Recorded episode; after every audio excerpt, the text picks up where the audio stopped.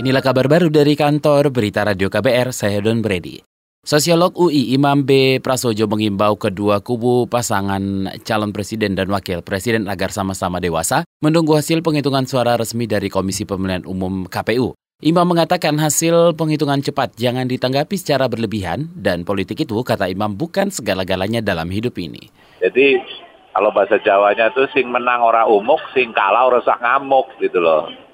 Okay. Jadi yang menang tidak usah petantang petenteng menunjukkan luapan kegembiraan yang berlebihan yang akhirnya membuat yang terindikasi clear kalah misalnya itu menjadi uh, apa terprovokasi. Okay. Jadi wajar-wajar aja lah. Ini politik ini kan bukan segala-galanya dalam hidup.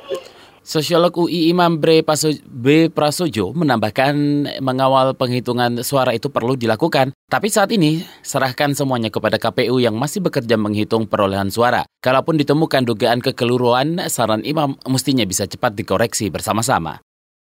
Besarnya ukuran surat suara diduga mengakibatkan jumlah surat suara tidak sah di Kabupaten Rembang, Jawa Tengah cukup tinggi. Selengkapnya bersama reporter Radio Jaringan Musyafa dari Radio R2B Rembang. Usai perhelatan pemilu 17 April di Kabupaten Rembang, Jawa Tengah muncul fenomena cukup mencolok mengenai surat suara tidak sah. Di tiap tempat pemungutan suara TPS jumlahnya lumayan tinggi, rata-rata antara 30 sampai dengan 50-an lembar.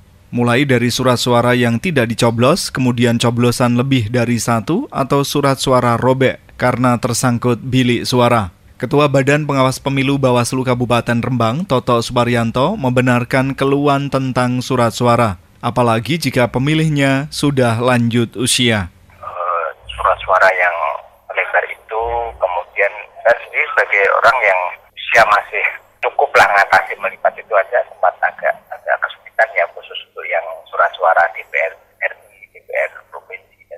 Toto Suparyanto, Ketua Bawaslu. Sementara itu, seorang ketua panitia pemilihan kecamatan PPK, Gunanto, membenarkan tingginya surat suara tidak sah. Dalam beberapa kejadian, surat suara bahkan menyangkut di bilik suara karena ukuran surat suara tidak sebanding dengan ukuran bilik. Suara tidak sah juga banyak karena uh, banyak surat suara yang tidak tercoblos karena uh, pemilihnya tidak kenal, tidak tahu dan itu kosong. Terus surat suara rusak itu banyak kejadian karena lipatannya banyak, lebarnya 51 kali 82, biliknya cuma 60 kali 50 sehingga kadang-kadang tertempel di bilik itu akhirnya nyangkut seperti itu, Mas. Gunanto menambahkan hari ini penghitungan suara secara manual dimulai di tingkat kecamatan. Nantinya akan diketahui berapa jumlah pasti surat suara tidak sah ketika penghitungan dilanjutkan ke Kabupaten Rembang. Musyafa, R2B Rembang melaporkan untuk KBR. Saudara Komisi Pemilihan Umum Daerah KPUD Papua menargetkan pemungutan suara susulan selesai pada Sabtu besok. Ketua KPUD Papua Theodorus Kosai menjelaskan ada 20 TPS di wilayahnya yang di wilayahnya yang akan menggelar pemungutan suara susulan. Wilayah geografis Papua yang bergunung-gunung dan cuaca hujan yang lebat menjadi sejumlah alasan pemungutan suara susulan itu terpaksa dilakukan.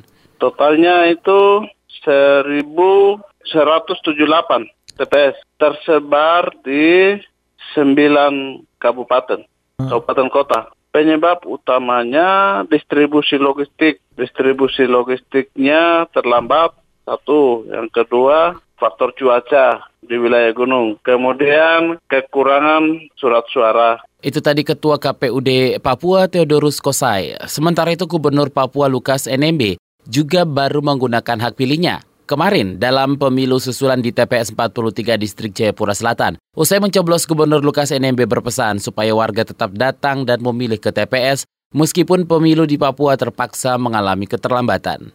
Demikian kabar baru dari kantor Berita Radio KBR, saya Don Brady.